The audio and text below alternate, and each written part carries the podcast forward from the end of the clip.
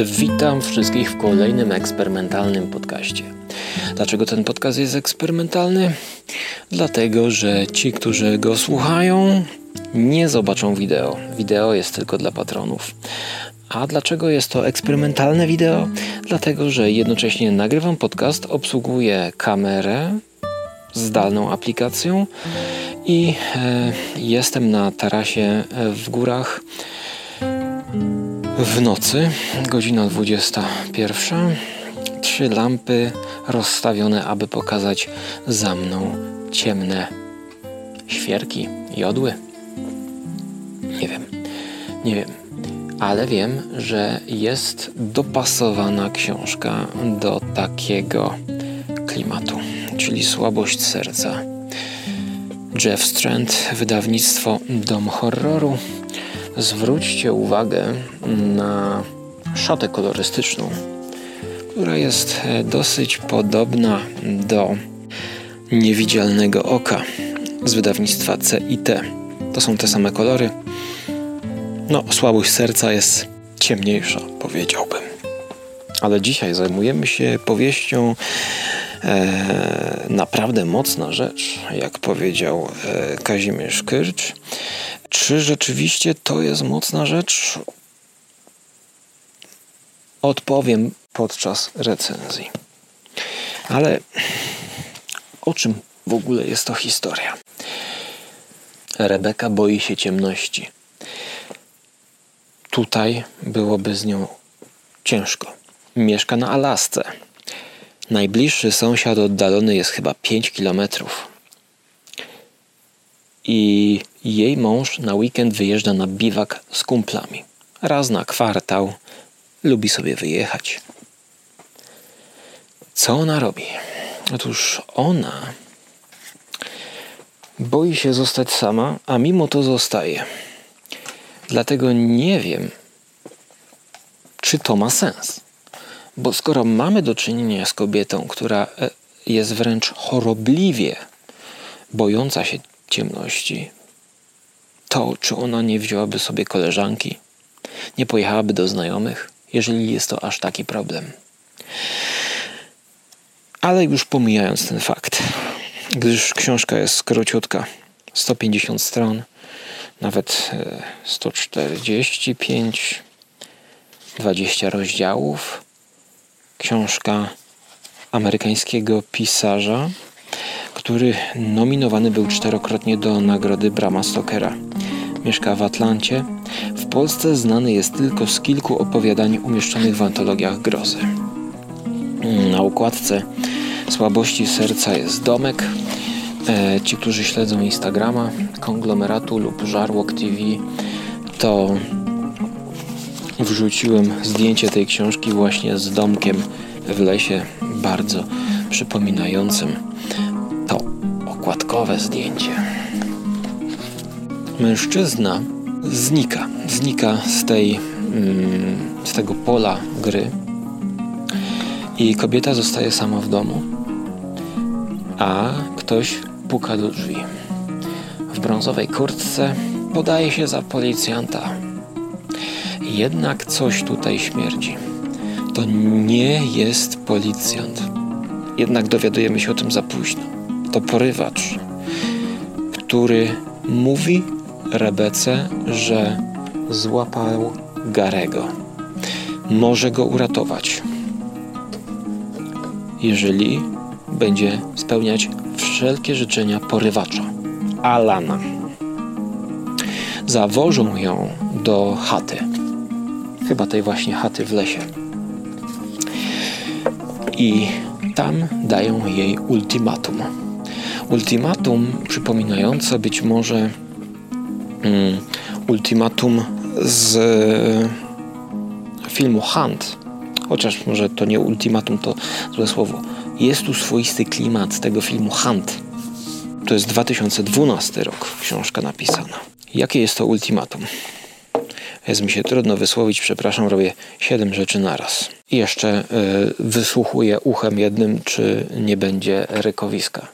Bo przed chwilą, y, nie wiem czy to się nagrało, ale może jeszcze usłyszycie jakiegoś y, rogacza, jelenia bodajże e, na rykowisku.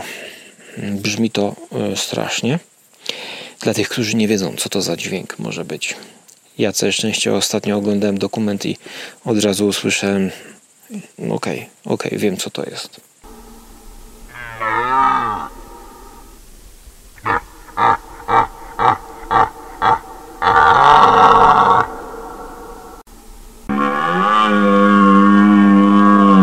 Kobieta ma zrobić dokładnie to, co jej mąż, Gary.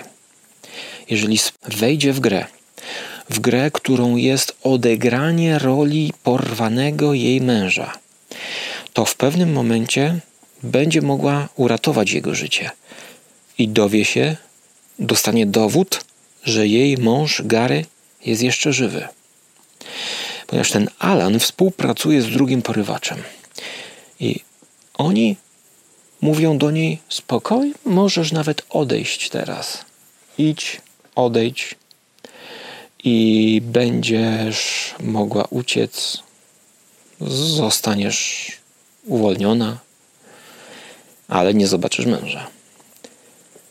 Więc ona spełnia te ultimatum, mając nadzieję, że dwóch szaleńców, którzy ją porwali, jeszcze zwrócą jej męża.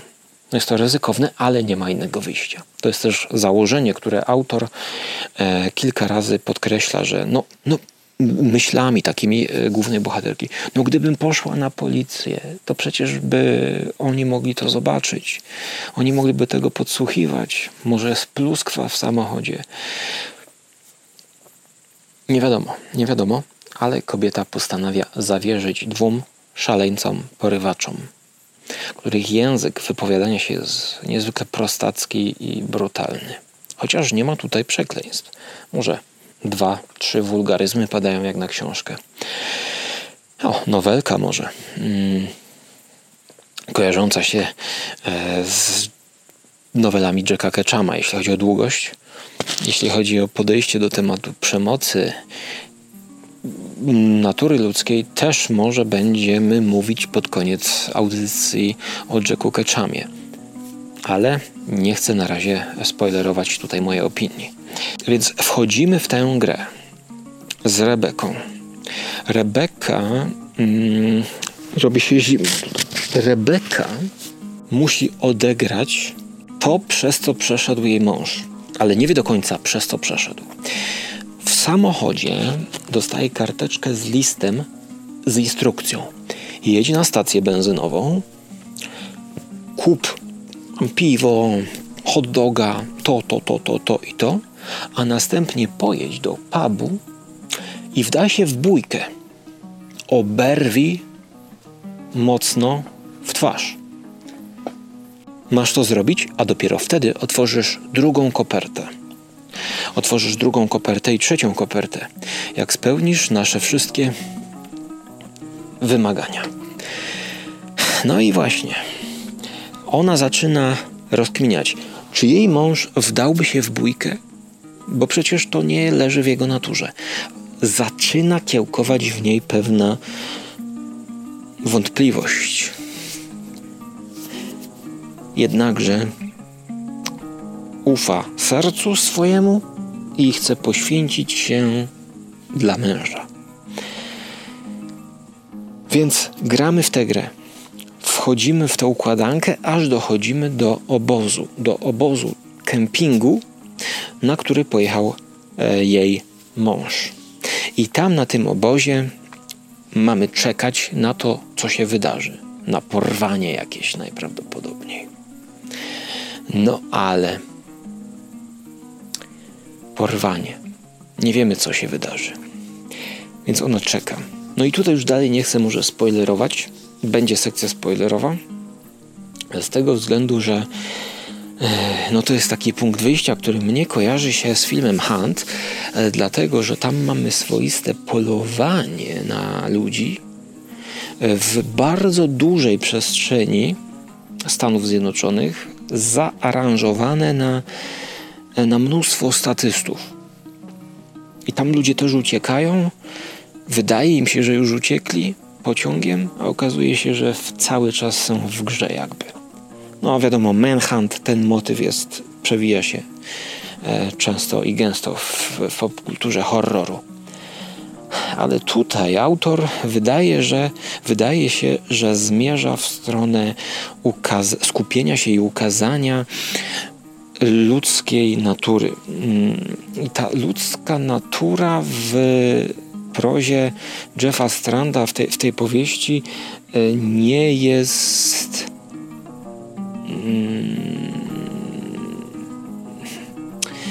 Hmm, wiecie co? Właśnie, właśnie. Wpadam w pułapkę teraz, bo zaczynam analizować tę książkę, której nie polecałbym. Nie podobała mi się koniec końców ta książka z prostej opowiastki o dwóch szaleńcach, którzy porywają dziewczynę, no jako recenzent jakoś doszukuje się e, drugiego dna. Doszukuje się opowieści o poświęceniu, gdyż ta kobieta rzeczywiście przechodzi przez całą katorgę po to, aby uratować męża. Kojarzy się to z powieściami Jacka Ketchama, jednak jest to napisane gorzej pod względem stylu. W ogóle książka jest jakby y, tłumaczona na kolanie. W ogóle jest redagowana jakby na kolanie. I tutaj jest chyba na 145 stron 10 jakichś literówek. Więc tak jakby też sam tłumacz nie przywiązywał większej e, wagi e, do mm, powieści. Kiedy skończyłem czytać, to dopiero poczułem rozczarowanie. Bo kiedy jeszcze nie wiedziałem, dokąd zmierza ta książka, to, to, to rozwiązanie e, zagadki, e, czyli odpowiedź na pytanie, czy oni uratują męża, jeżeli ona przejdzie przez całą katorgę, przez którą przeszedł mąż i jego znajomi, to może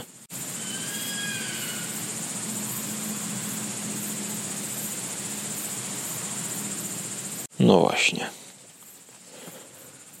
Żeby tutaj tylko nie zbiegł i nie wszedł y, ten.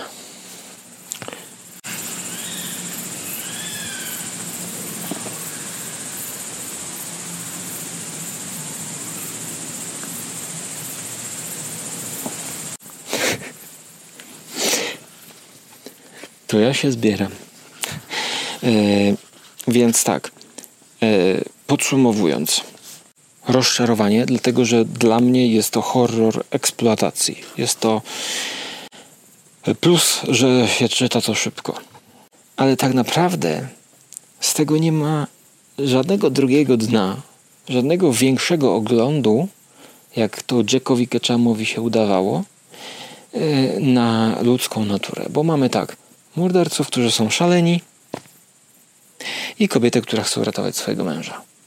Z tej książki wynika to, że no, czasami mąż jest w stanie się poświęcić dla żony, a kobieta dla męża.